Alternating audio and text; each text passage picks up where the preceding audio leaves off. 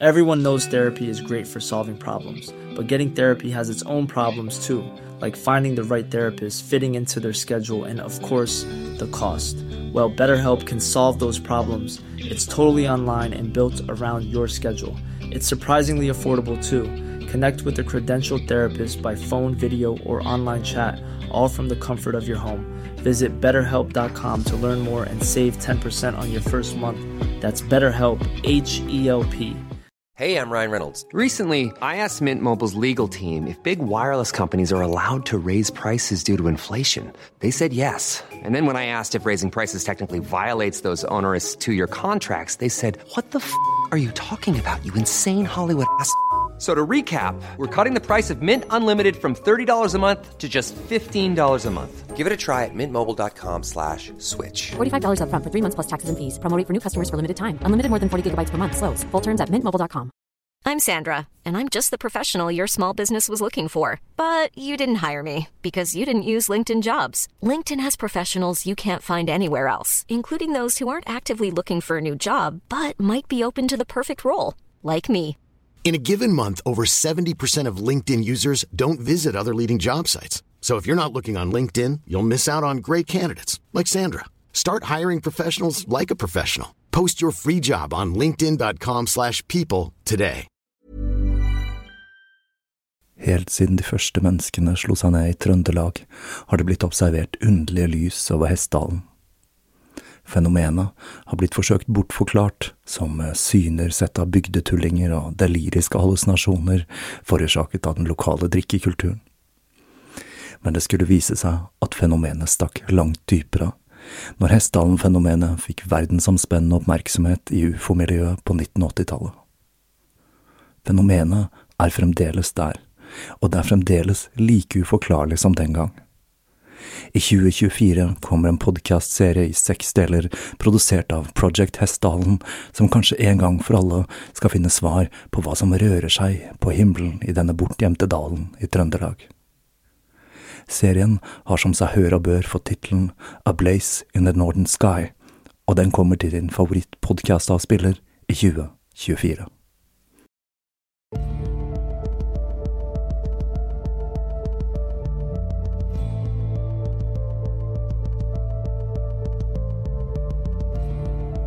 Hei og velkommen til eh, Tåkeprat. Jeg heter Even, og når jeg tar opp denne episode 189, er det mandag den 2. mai 2022. Endelig ble det live podcast. Etter mye om og men, og ikke minst en global pandemi. Og det var Kafé Hærverk i Oslo som skulle bli ground zero for hva jeg håper blir det første av flere arrangement av denne typen. Det var ekstremt spennende å prøve ut podkasten med publikum. Ettersom jeg driver en historiefortellingspodkast, var nok dette noe de færreste hadde vært med på før, og det inkluderte meg selv. En publikummer sa til meg etter showet at det hele minnet han om å sitte og bli fortalt en historie foran et ildsted i gamle dager, og det var nettopp litt det jeg forsøkte å få til. For historiefortelling i seg selv er nok en av de aller eldste formene for underholdning som finnes. Jeg bestemte meg for å dele opp kvelden i fire deler, med en introduksjon, en fortellerdel og en Q&A til slutt. Temaet for kvelden var nautiske myter og fortellinger fra havet, og jeg hadde siktet meg inn på en litt rar dramaturgi, ved å starte det hele så morsomt som mulig, for så å avslutte med en trist myte, slik at spenningskurven skulle gå fra topp til bunn. Det er ikke til å stikke under en stol at det ligger utrolig mye arbeid bak denne liven, som ble litt i overkant av en time lang. Og jeg sitter igjen med mange erfaringer jeg skal ta med meg videre, og ikke minst minner om en kveld jeg anser for å være et svært vellykket første forsøk på en levende historiefortellingspodkast. For eksempel så gjorde jeg alt selv denne gangen, fra billettsalg til promotering, og det kan hende jeg kommer til å delegere noe av det med neste korsvei. Håpet hadde vært å ta med tåkeprat til flere steder i Norge, og jeg må si at Bergen kommer ganske høyt opp på lista, da jeg har en del venner der. Samtidig så er det et økonomisk aspekt i alt dette, og det er også noe som må med i beregningen når det gjelder ting som reise, tidsbruk og valg av lokale. Når det gjelder lokalet denne gangen, så føler jeg det er på sin plass å gi en honnør til Kafé Hærverk, og ikke minst han som driver den skuta, Vegard Heskestad, som la alt til rette for et knallarrangement. I tillegg vil jeg rette en takk til lydmann Jens Ole Bjerkan, som gjorde opptaket dere nå skal høre. I tillegg til Øyvind og Thomas, som stilte opp i god norsk dugnadsånd, henholdsvis i døra og i merchen. Ikke minst så vil jeg rette en stor takk til alle dere som var til stede den kvelden. Uten dere så ville ikke dette vært mulig. Opptaket dere nå skal få høre, er et opptak av historiefortellingsdelen fra kvelden. Q&A-delen blir en egen Patrion-spesial, og introduksjonen, den holder jeg for meg selv enn så lenge. Og da gir jeg dere nautiske myter og fortellinger fra havet.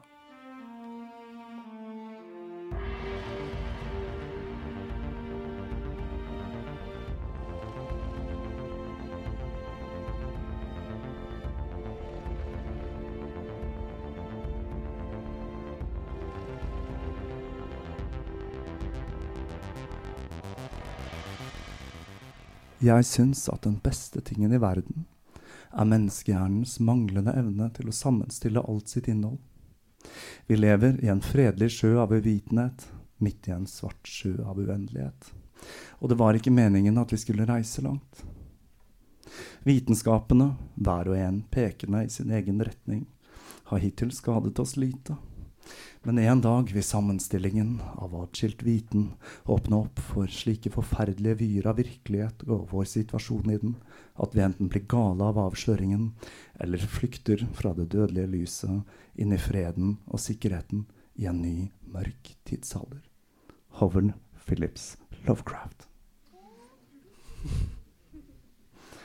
Havet det store, ukjente, farefulle oseanene med sine ukjente avgrunner har vært en inspirasjon til myter og legender så lenge mennesker har kunnet fortelle dem. For de som har dristet seg ut i det store ukjente, enten for å fiske eller friste lykten på jakt etter nytt land, gods og rikdom, gjaldt det å blidgjøre gudene, og man måtte i alle fall ikke vekke gudenes vrede, for da kunne det gå skikkelig, skikkelig ille. Man startet allerede når man skulle velge ut materialet skipet skulle bygges av. Man måtte f.eks. For, for all del unngå tresorter som ble brukt til kistebygging. For det å seile rundt i en flytende kiste, det var et dårlig tegn, om noe var det.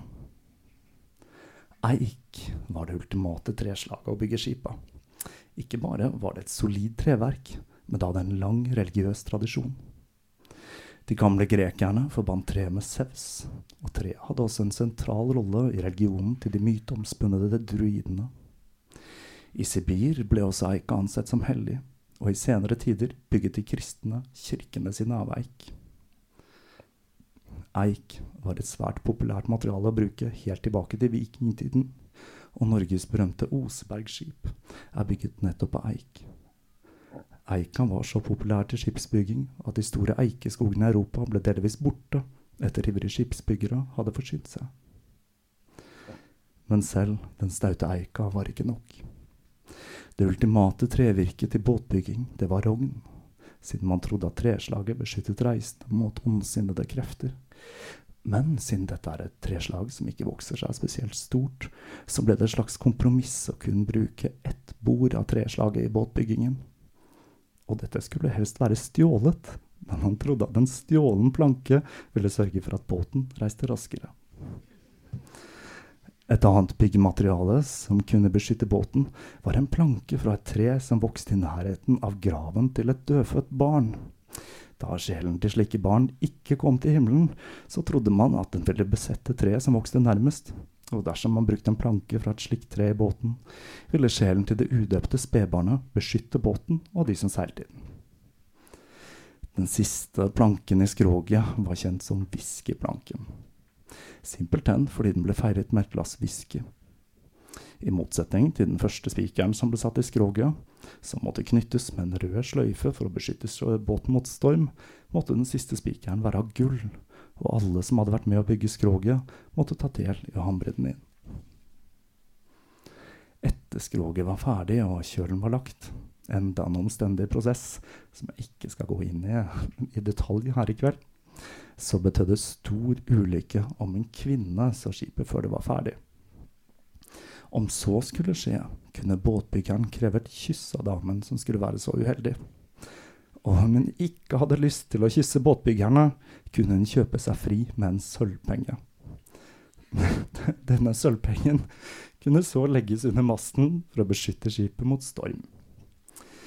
Tradisjonen med sølvpengen det er en som stammer tilbake fra de gamle grekerne, som la en sølvpenge i munnen til nylig avdøde, slik at de kunne betale fergemannen Karon for overfarten til elven Styx i underverden. Denne tradisjonen er en som faktisk lever i beste velgående i dag, og i den amerikanske marinen så sveiser man fast en liten boks med en mynt som er laget spesielt til dette formålet på skipets kjøl. Om en båt hadde behov for å bytte ut masten, måtte man la mynten ligge, og legge en til der når den masten ble montert. For dersom man skulle falle for fristelsen til å bruke denne mynten, så solgte man sjelen til alle stakkarene som la ut på havet i skipet. Gallionsfiguren er et annet viktig element i en båt. I tidligere tider var det vanlig med ulike krafter, som vikingene med sine drager, eller andre nasjoner med f.eks. løver. Det var svært viktig at figuren skulle stille rett fram, slik at skipet holdt en stø kurs. Men øynene måtte for guds skyld ikke være grønne, for grønn, det var fargen til land, og det betød at skipet ikke trivdes på havet. Like ille var det med alle figuren, eller noen annen del av båten, blå, ettersom blå var fargen til havet, og gudene kunne risikere å overse en blå båt på det store blå havet, og dermed så ville de ikke legge sin vernende hånd over skuta og mannskapet dens.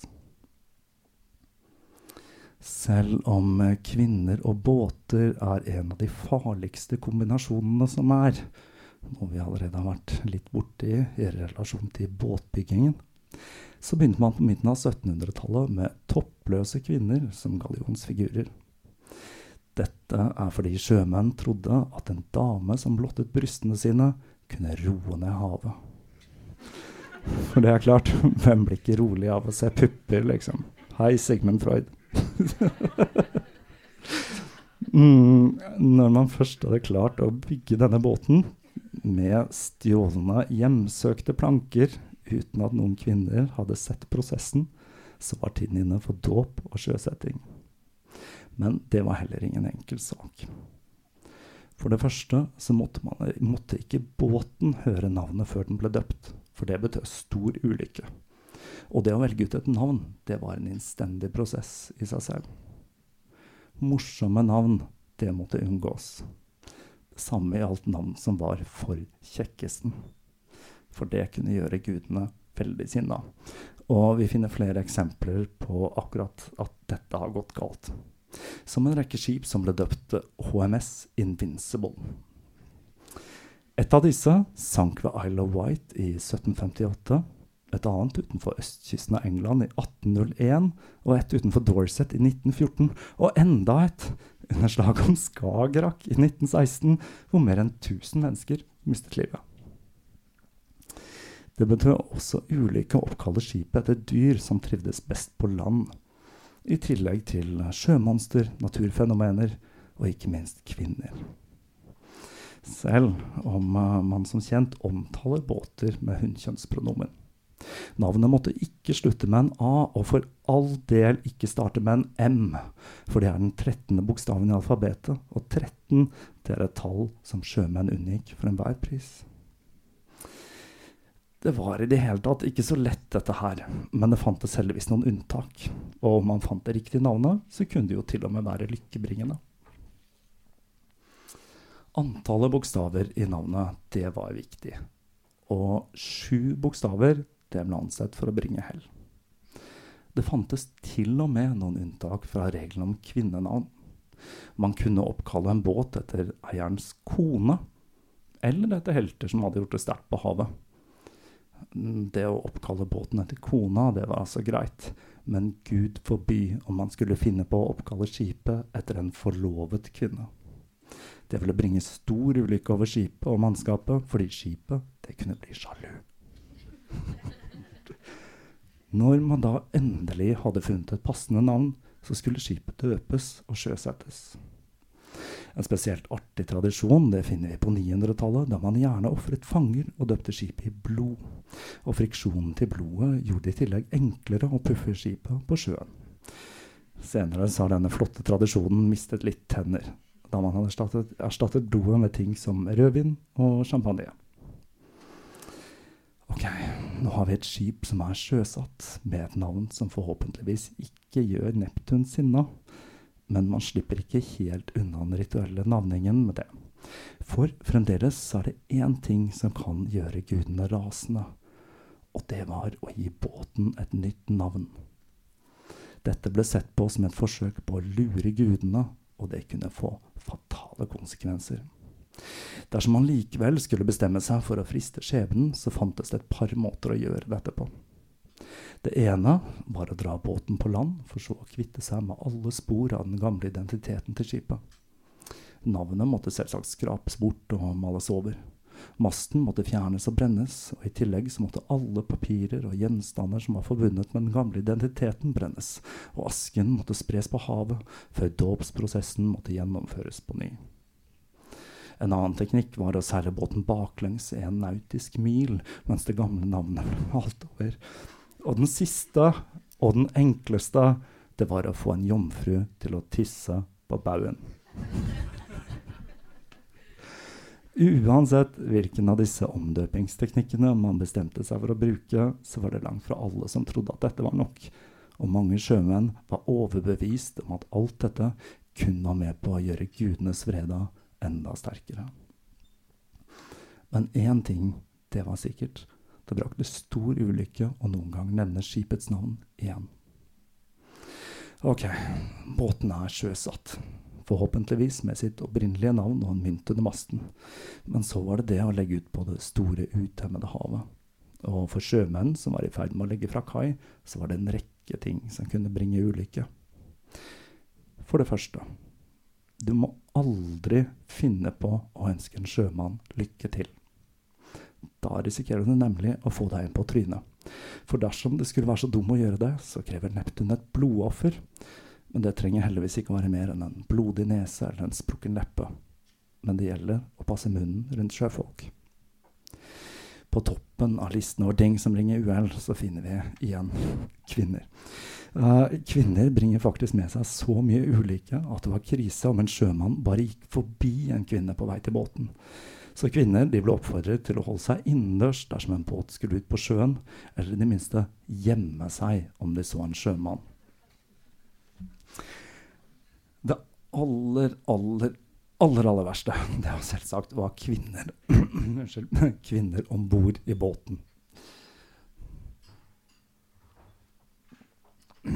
Under hundreårskrigen i 1347 ble flåten til sir John Arundel, Arundel skal være, tatt av en storm på vei tilbake til England. Og i et forsøk på å blidgjøre gudene ble mer enn 60 kvinner kastet over bord. Men da var det allerede for seint, og 20 skip sank, og mer enn 1000 mann mistet livet. Men det var ikke bare kvinner som brakte med seg ulykke. En person som bringer med seg ulykke om bord, blir kalt for en Jonas etter bibelfortellingen Jonas og hvalen. Den aller verste Jonasen å ha om bord, det er en prest. Jeg aner at vi har en Jonas i salen her. Der sitter han, vet du. det var altså en prest. Presten han bringer med seg uhell fordi en av oppgavene til en prest det er å utføre begravelser. Og det å ha en prest i nærheten er noe som også kan tiltrekke seg uønsket oppmerksomhet fra djevelen, i tillegg til Neptun og alskens sjøguder. Det å gå kledd i svart om bord, det bringer også ulykke. Og det er kanskje derfor det også bringer stor ulykke å ha med seg en advokat om bord. Kombinasjonen av prest, svarte klær og kvinner gjør det ganske logisk hvorfor den verste Jonasen av dem alle, det er nonner. Og damene som ble kastet over bord i hundreårskrigen, var nettopp nonner. Så det er kanskje ikke så rart at hele flåten sank. I tillegg så var det uheldig med sjeløyde, plattfotede og rødhårede personer om bord. Når uh, dagen for avreise kom, med en båt uten kvinner, prester, nonner, advokater, svarte klær, plattfotede, slelørede, rødhårede, med et rett navn, bygget med rette materialer, ikke sett av kvinner, døpt i blod osv., så, videre, så var det ekstremt viktig at dagen var rett. Og dette måtte for all del ikke være en fredag. Fredag det var dagen da Adam og Eva ble ekskommunisert fra Edens hage, og dagen da Gud sendte syndefloden. Og ikke minst så var dette en dag som var oppkalt etter en kvinne, Frøya. Det var den verste av alle dager. Og det ville garantere en ferd som endte på havets bunn. Ekstra ille ville det selvsagt være å legge fra kai på fredag den 13. Da var det egentlig bare å gi opp og legge seg ned for å dø. Men det hadde kanskje ikke vært så vanskelig om det kun var fredager det dreide seg om. Men så enkelt var det selvsagt ikke. Det var nemlig en hel haug med såkalte onde dager, som gjerne hadde en sammenheng med bibelske hendelser, som den 31. desember, som skulle ha vært dagen da Judas hengte seg. For sakserne var det 24 onde dager i året. Men dette tallet ble økt til hele 32 dager på 1400-tallet. I tillegg til fredag så var mandag og tirsdag to dager man helst skulle unngå. Så da hadde man jo ikke så mange muligheter igjen. Men søndagen ble regnet som en særs heldig dag, siden Jesus sto opp fra graven på en søndag, og datoene den 17. og 29. ble regnet som spesielt heldige. Når dagen endelig var kommet, måtte man sørge for å gå om bord med den høyre foten først, da man trodde at djevelen hadde kontroll over den venstre. Og det første man skulle gjøre før man kastet loss, det var å skåle til havets guder og sørge for at alle som skulle legge ut på ferden, fikk en smak før resten av eh, flaska ble helt på havet. Da vil vi ta en skål for Neptun før vi fortsetter her. For det begynner å bli skummelt.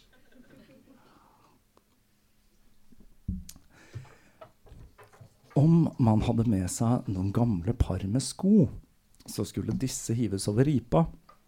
Og det samme gjaldt om han hadde penger på seg. Det betyr nemlig dårlig fiskelykke å dra til sjøs med penger i lomma. Når man hadde kastet loss, måtte man for all del aldri se tilbake mot land, og de på land måtte aldri se på båten til den var ute av syne. Dersom en sjømann skulle bryte dette budet, kunne han nemlig bli en Jonas. Og så begynte regelveldet på havet. Ok. Regel nummer én. Aldri snakk om målet for reisen det gjør at man kan virke for kjekkesen, noe som kan straffe seg, og det betyr til og med ulykke å snakke om hvor mange nautiske mil det er igjen til målet. Det å klippe hår og negler det er også fy-fy av flere grunner. For det første så ble hår og negler ansett som et offer til Persefone i gresk mytologi, og et offer til henne vil gjøre Neptun sjalu og føre til storm. Det å kaste hår, negler eller søle blod i havet var også tabu, Da dette kunne føre til at havet fikk smaken på sjømannen, og det begynte å tørste etter den stakkars mannen som hadde vært så dumdristig å gi deler av kroppen sin til det store, ukjente dypet. Listen over ting som bringer ulykke, er så lang at det kunne blitt en hel kveld bare om det i seg selv. Som aldri slo en spiker inn på en søndag, ikke plystre, ikke klappe, ikke legge en feiekost på et fiskegarn, og ikke rør i en gryte mot klokka. For ikke snakke om alle ordene og referansene som brakte med seg ulykke. Enten det dreier seg om rev, katt, hund, gris, laks eller hare. For haren, det er et dyr man mente brakte med seg særs ulykke, da man trodde at hekser kunne forvandle seg til harer. Og med det så hadde man både en kvinne og et landdyr om bord på én gang. Hekser i Europa pleide for øvrig å selge god vind til sjøfolk. Men de kunne selvsagt også lage uvær, noe som betød at det å ha garn om bord betydde stor ulykke, fordi det var mulig at skuta var blitt forbannet av ei heks, fordi garn var forbundet med heksekunst. Et dyr man var uh, særs var for å skade, det var albatrossen. En tro som ble allmennkunnskap med det episke diktet 'The Rime of the Ancient Mariner' av Samuel Taylor Coldridge, og ikke minst Iron Maiden-låta av samme navn. Men det finnes heldigvis en løsning dersom du skulle være uheldig og skyte en albatross, og det er å binde den rundt halsen. Og det høres egentlig ganske greit ut, det. Inntil man innser at en albatross Det er en Everyone knows therapy is great for solving problems, but getting therapy has its own problems too, like finding the right therapist, fitting into their schedule, and of course, the cost. Well, BetterHelp can solve those problems. It's totally online and built around your schedule. It's surprisingly affordable too. Connect with a credentialed therapist by phone, video, or online chat, all from the comfort of your home. Visit betterhelp.com to learn more and save 10% on your first month. That's BetterHelp, H E L P. I'm Sandra, and I'm just the professional your small business was looking for. But you didn't hire me because you didn't use LinkedIn jobs. LinkedIn has professionals you can't find anywhere else, including those who aren't actively looking for a new job but might be open to the perfect role, like me. In a given month, over 70% of LinkedIn users don't visit other leading job sites. So if you're not looking on LinkedIn, you'll miss out on great candidates like Sandra. Start hiring professionals like a professional. Post your free job on linkedin.com/people slash people today. ganske røslig fugl, altså. Den har et vingespenn på opptil fire meter. Men ingenting det var mer uheldig enn å komme over et spøkelsesskip. Dette kunne dreie seg om to ulike fenomener. Enten et skip som driver rundt på havet uten mannskap, eller et skip bemannet av vanndøde. Og det mest kjente av disse er nok den flygende hollender. Det blir sagt at en flygende hollender er et skip som aldri kan legge til kai, og at dersom et annet skip nærmer seg dette fartøyet, vil mannskapet om bord forsøke å sende meldinger til etterlatte på land. Historien om den flygende hollender stammer mest sannsynlig fra 1600-tallet, når Det ostindiske kompani var på høyden. Skipet har blitt observert en rekke ganger i Europa, Asia og Afrika, som oftest omgitt av en underlig glød, og det har blitt observert så sent som på 1800- og 1900-tallet, blant annet av medlemmer av den britiske kongefamilien. Hvem som er kapteinen på dette forbannede skipet, er et heftig debattert tema, men én heit kandidat er den nederlandske kapteinen Bernhard Fokke, som var kjent for sine ek ekstremt raske turer mellom Nederland og Java. Og det ble sagt at han solgte sjelen sin til djevelen, så ku- skuta hans kunne reise raskt. Et eksempel på et skip som ble funnet uten mannskap, og som har funnet sin vei til populærkulturen, er Mary Celeste, som er et amerikansk skip, som ble funnet utenfor øygruppen Azorene den 4. desember 1872. Det var ei kanadisk skute som fant det forlatte skipet, som fremdeles hadde noen av seilene sine oppe, og som fremdeles var sjødyktig, selv om det var litt medtatt. Livbåten var borte, og den siste nedtegnelsen i loggboken hadde blitt skrevet inn ti dager tidligere. Båten hadde seilt fra New York den 7. november, og den hadde fremdeles mer enn nok av forsyninger, og alle eiendelene til kapteinen og mannskapet var intakte. Det har vært mange forsøk på å finne svar på hva som skjedde med skipet hvis eh, mannskap aldri har blitt funnet. Men ingen av forklaringene, enten det er av det overnaturlige eller det mer jordnære slaget, har gitt noe fullgodt svar på denne gåten vi neppe noen gang vil finne noen løsning på. Og som en liten sidenote her, så het skipet Mary Celeste med en Y. Men etter Arthur Conan Doyle, som vi bl.a. kjenner som forfatteren av Sherlock Holmes, og ikke minst som en ivrig tilhenger av den spiritistiske bølgen, skrev navnet på skipet som Marie med IE i novellen J. Habakkuk Jepsons Statement. Ganske god novelletittel. Så har dette blitt den vanlige skrivemåten til navnet på dette mystiske skipet. Det finnes ekstremt mange historier om spøkelsesskip, eller fantomskip, som det også kalles.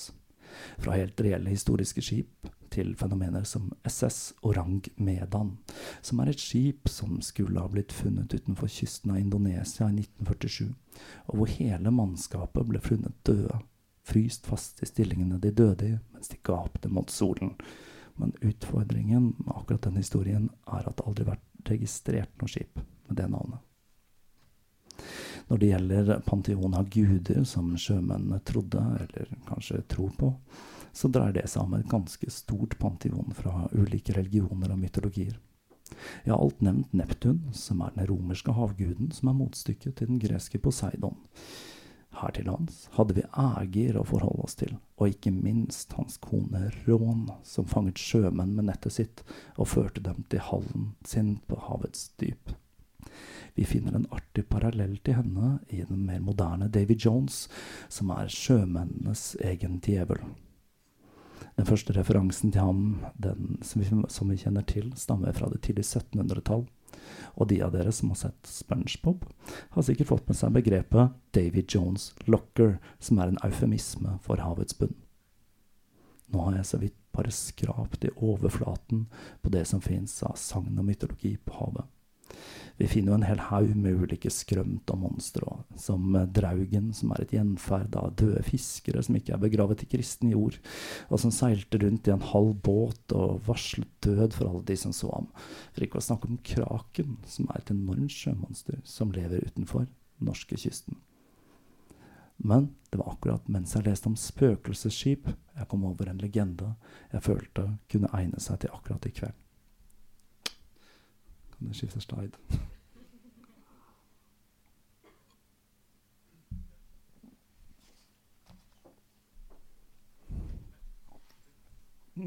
Neste slide, takk.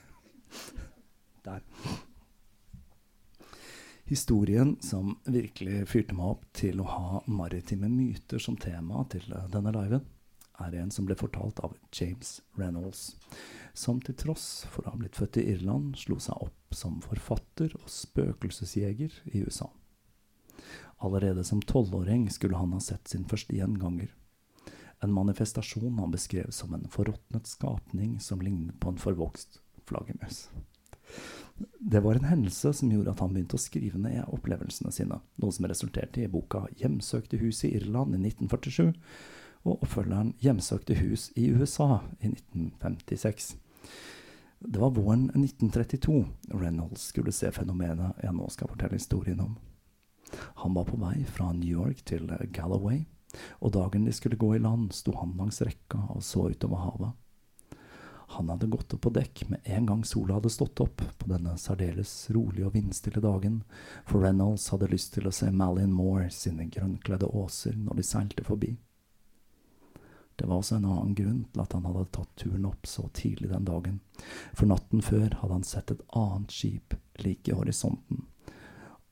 Det var et skip han hadde sett tidligere, nemlig det beryktede brudeskipet til Aaron Roe. Grunnen til at han håpet å få se det, var at han hadde sett det to ganger tidligere.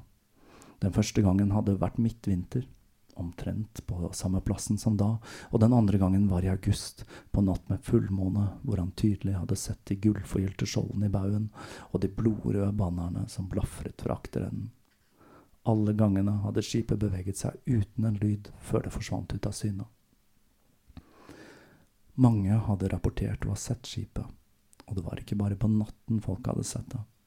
Fiskere fortalte at det hadde dukket opp midt på lyse dagen, og noen ganger så nære deres egne skip at de kunne se ansiktet til alle de 50 krigerne som for alltid voktet liket til Aaron Roe.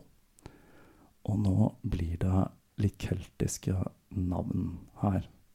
Jeg bare vet av erfaring Jeg gjør det beste jeg kan, OK? mm. Historien om dette skipet, som er dømt til å for alltid seile på havet rundt Irland, starter på 1100-tallet på en øy som heter Raithlin, og som ligger utenfor Antrim-kysten lengst nord i Irland. Aaron Roe var en krigerprins som ofte ble kalt Aaron Rødhette pga. den røde hetten han hadde, men også pga. det lange, røde håret hans som rakk helt ned til skuldrene. Folket som bodde på Raithlin, var svært stolt av prinsen sin, for han var en fryktløs kriger, og en svært dyktig sjømann som seilte skipet sitt med stø hånd langs den farefulle kysten, og folket visste at den dagen han ville bli kronet til konge, ville bli en god dag. Kongen av Raithlin, Argan, var blitt skrøpelig og gammel, og han tilbrakte det meste av tiden foran den sprakende ildstedet i Roe-borgen mens han filosoferte over hvordan Raithlin igjen ville bli en stormakt når Aaron Roe arvet kronen.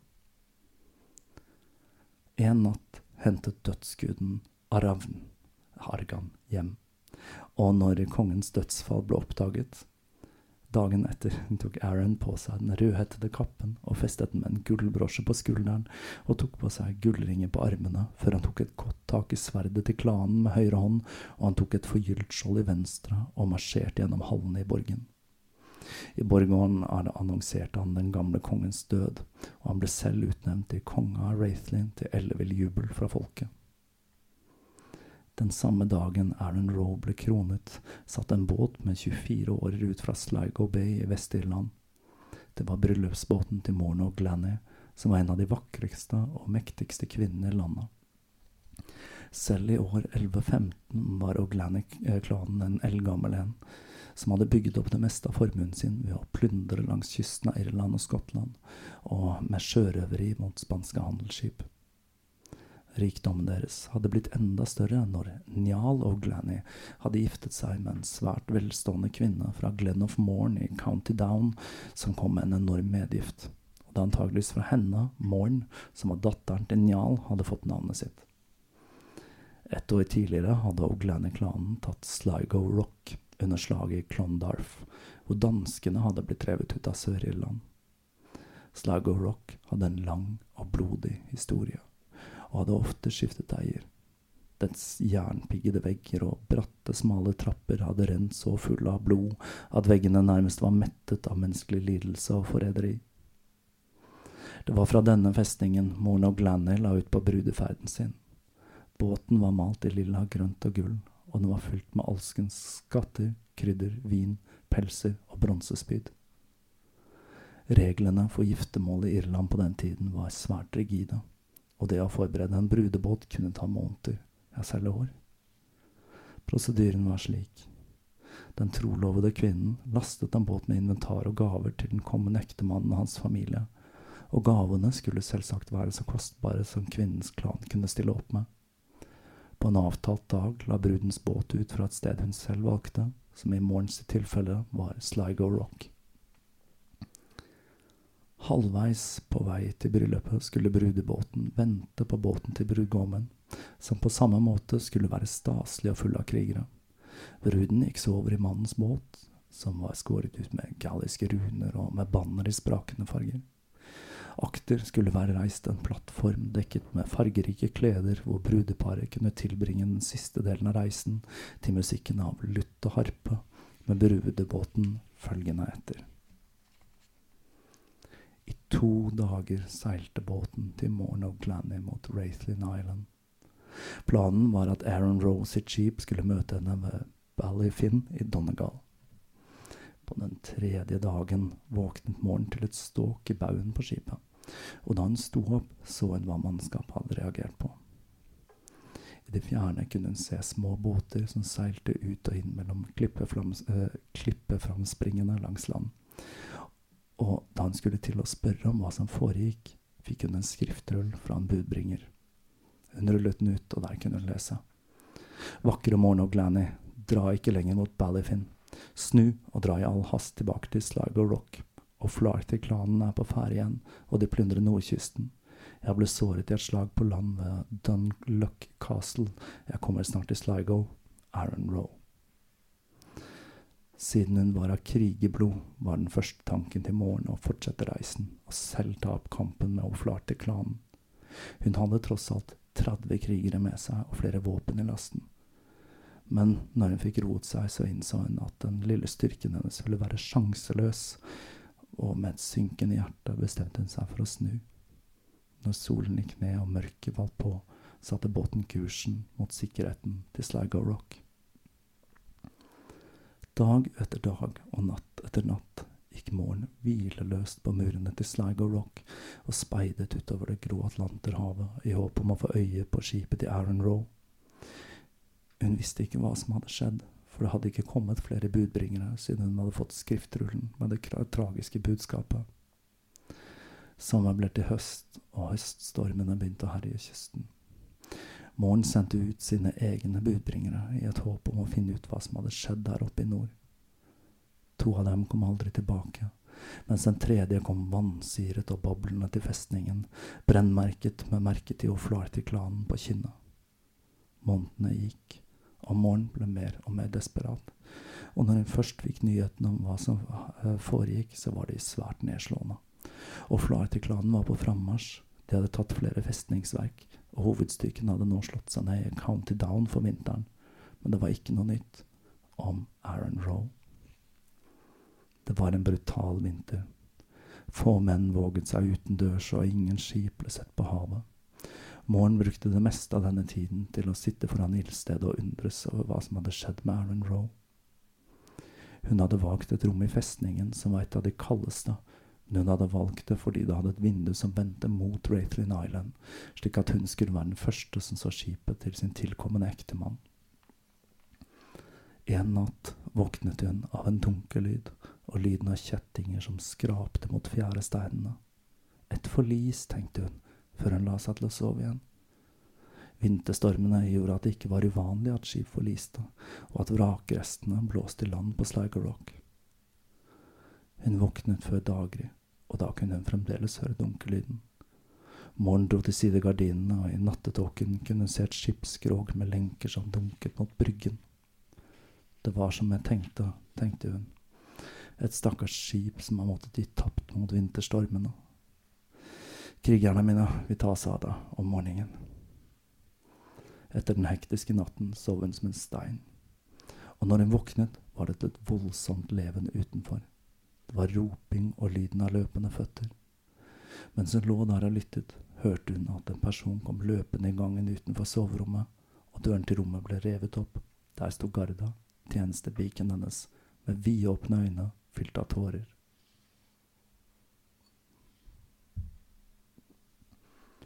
Moren spratt ut av sengen, slang en kappe over seg og ropte. Garda, hva er det, hvor? Garda klarte først ikke å svare, men pekte bare mot havet og mumlet. Aaron Roe, Aaron Roe. Hun løp ned til porten og stirret ned på vraket som lå dunket mot bryggen. Det var den samme rytmiske lyden hun hadde hørt den natten. Og fra skipet hang det lenker som var dekket med sjøgress. Mellom henne og bryggen sto krigerne og tjenerne hennes som fastfrosset. De ventet på å se morens reaksjon. Hun var høy der hun sto i den røde kappen sin.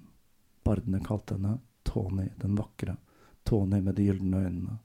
De sa at kroppen hennes var som et ungt tre, kurvet og søt med sevje. Morn og Glanny gikk ned trappen til brygga. Det var hun alene som gikk om bord i skipet. Midt på dekk, bundet i lenker som var drevet dypt inn i kjøttet hans, lå det nakne liket til Aaron Roe.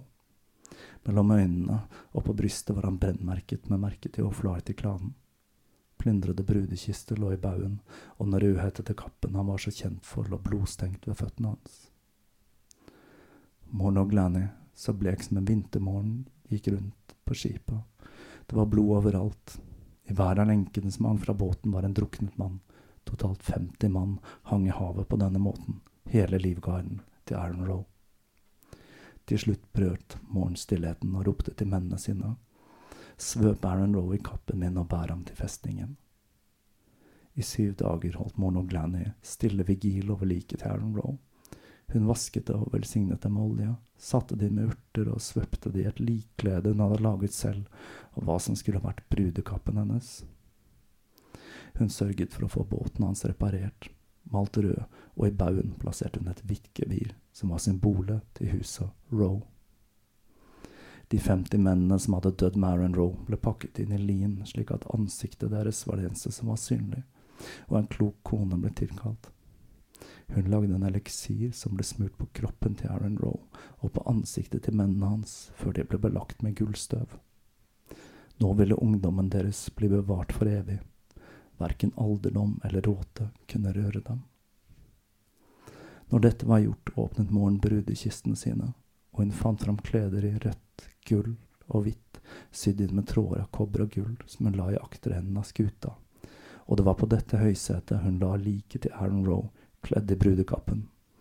På brystet hans la hun et bronseskjold og det store sverdet til O'Glanny-klanen. Ved føttene hans la hun vin, brød og frukt. De femti forgylte krigerne ble bundet stående i baugen med spyd ved sin side, slik at de alltid kunne holde stø kurs og vokte Aaron Roe. Når alt var klart, ba hun tjenerne og krigerne om å samle knusk og ved og gjøre i stand et stort bål på borgmuren, og hun ba dem dekke dette med den lilla kappen fra brudekisten. Hun talte til klanen sin og sa, Når nymånen viser seg på himmelen i natt, skal jeg lyse opp veien for min brudgom, for i natt starter Aaron Roe på en ferd, en ferd som er endeløs. Mørket la seg, og den blekgule månesikten sto oppover horisonten. Morn og Glanny gikk ut av rommet sitt, kledd for begravelsen til sin elskede. Håret hang i tunge fletter, satt med gull og kobber, og på hodet bar hun en krone av gull, utsmykket med blader og fugler i flukt. Under under den lilla kappen hadde hun en tung, smaragdgrønn kjole sydd med gulltråder. Rundt den hvite halsen hang et smykke med en rubin, og på armene bar hun tunge armringer i gull. Hele Morn og Glanny strålte, bortsett fra øynene hennes, de var tomme og sjelløse, som om flammen i henne hadde sluknet. Sakte gikk hun opp trappen til borgtårnet. Når hun kom til toppen, stirret hun ned og ropte. Kast loss og send min brudgom på ferden. Moren tok et beger som var fylt med vin, skålte for sin brudgom og tømte begeret i en grådig slurk. Hun stirret på skipet som drev ut mot det åpne havet, og kastet begeret etter det før hun sverget det ned en hyllest til deg, Aaron Raw. Seil for alltid, som et symbol på min evige kjærlighet. Og måtte alle Oflartis kvinner bære den samme sorgen som meg, som straff for kjærligheten de stjal. Så ble hun stille. Hun visste at giften i vinen snart ville sette inn. Hun så ned på de gråtende kvinnene og de dystre mennene og kommanderte Tenn ilden, jeg er klar. Og når jeg er borte, vil jeg dere alle skal dra så langt dere kan fra dette forbannede stedet. Hun la seg på bålet, lukket øynene og lot ilden fortære henne. Folk sier at man ofte, på stille netter, fremdeles kan se blågrå røyk drive opp fra festningen, og at en ensom fisker, en kaptein på et transatlantisk skip eller en enslig kvinne som går langs kysten, kan se den stille brudebåten til Alan Roll.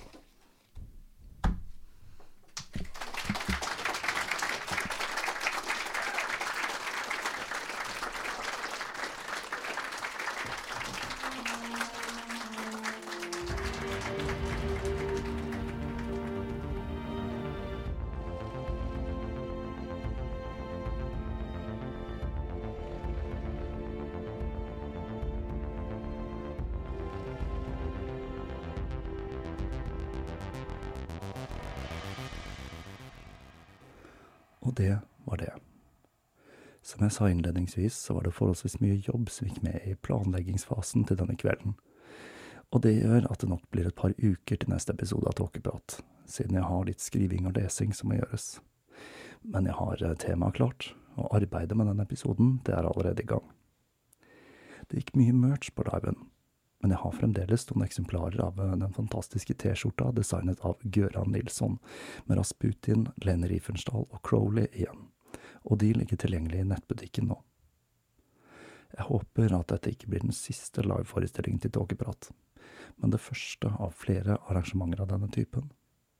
Jeg har som sagt lyst til å besøke flere norske byer, men da må jeg nok basere meg litt mindre på dugnadsånd og litt mer på arrangørene på de stedene jeg eventuelt besøker. Så da bare ta kontakt om du er på arrangørsiden der, så kan vi se om vi får til noe.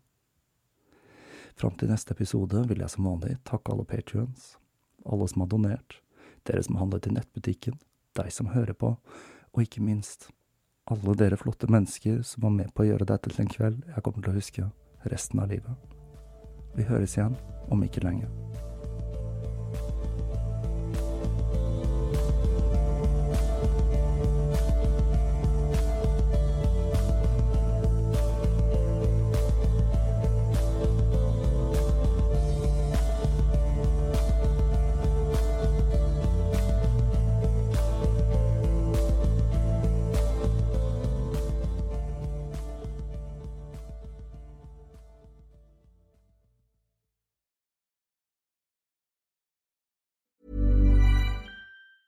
Hi, I'm Daniel, founder of Pretty Litter. Did you know cats tend to hide symptoms of sickness and pain? I learned this the hard way after losing my cat, Gingy. So I created Pretty Litter, a health monitoring litter that helps detect early signs of illness by changing colors, saving you money and potentially your cat's life. Pretty Litter is veterinarian developed, and it's the easiest way to keep tabs on your fur baby's health right at home. Go to prettylitter.com and use code ACAST for 20% off your first order and a free cat toy. Terms and conditions apply. See site for details. Planning for your next trip?